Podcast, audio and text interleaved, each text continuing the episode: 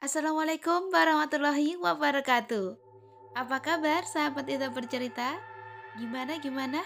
Lama tidak mendengar suara saya, adakah yang kangen kalian? Masya Allah. Semoga semuanya dalam keadaan sehat walafiat ya.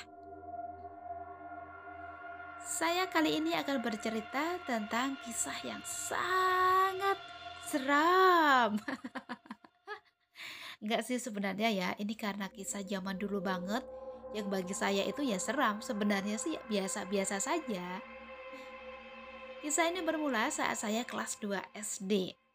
Usia saya sekitar 8 tahun waktu itu. Sore setelah azan maghrib, saya disuruh beli kerupuk singkong. Yang meminta kerupuk ya saya sendiri sih. Sama nenek dibawain uang, suruh beli sendiri. Hati saya sudah mulai deg-degan resah. Suasana sudah gelap. Saat itu lampu penerangan masih sedikit. Belum ada listrik dari negara. Warga kampung mendapatkan listrik dari diesel milik tetangga kami. Sebulan sekali kami membayar padanya. Jadi bisa dibayangkan jalanan desa yang sepi minim penerangan. Saya keluar rumah dengan perasaan tak menentu. Tak ada lampu di jalanan. Penerangan satu-satunya berasal dari rumah penduduk yang pintunya masih terbuka.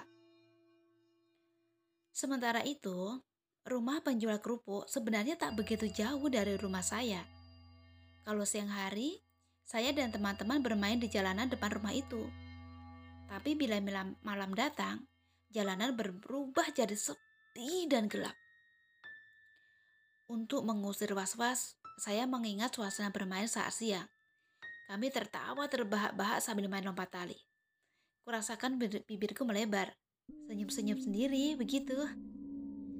Tiba-tiba, uh, kakiku terantuk batu. Kutoleh kanan jalan, seorang lelaki tua menutup pintu. Otomatis jalanan semakin gelap. Sisi kanan jalan hanya ada tanah belukar dengan rumput dan pepohonan tak terawat. Ku angkat kepala ke arah rumah penjual kerupuk. Alhamdulillah masih buka pintunya. Cahaya terang lampu satu-satunya berasal dari rumahnya. Setengah berlari saya membuka pagar bambu langsung ke warungnya. Akhirnya, kudapatkan juga kerupuk singkong yang lebarnya setutup panci. Tak lupa ibu penjual memberi sambal manis dibungkus plastik. Begitu membalikkan badan, saya semakin was-was. Ibu itu akan menutup pintu firasat buruk langsung menerpa. Kalau pintu ditutup, otomatis tak ada cahaya sama sekali. Gelap gulita. Baru tiga langkah meninggalkan halaman rumah, krek, benar saja. Terdengar bunyi pintu ditutup. Jantungku berdebar kencang. Pikiran buruk melintas. Saya segera ancang-ancang lari. Naas. Baru lari lima meter sosok hitam muncul di depanku. Tingginya hampir sama denganku. Kakiku mematung, dadaku hampir pecah, tanganku gemetar. Hampir saja kerupuk dan sambal terlepas dari genggaman. Bocah itu, kalau bisa aku panggil bocah, dia menjulurkan lidahnya, kedua tangannya di telinga. Ia berkeliling mengitari saya, persis seperti permainan yang sering saya mainkan bersama teman-teman di tempat yang sama. Tentu saja saat siang hari. Beberapa saat kemudian saya tersadar, lalu berlari sekencang-kencangnya. Saya tak peduli lagi dengan sandal yang entah ke mana larinya. Saya terus lari. Sampai di rumah, saya menemukan nenek dan bapak sedang duduk santai. Melihat saya berlari, mereka kaget.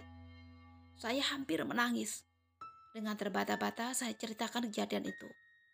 Namun, Bapak meyakinkan tidak ada yang namanya hantu. Saya pun tambah menangis kencang.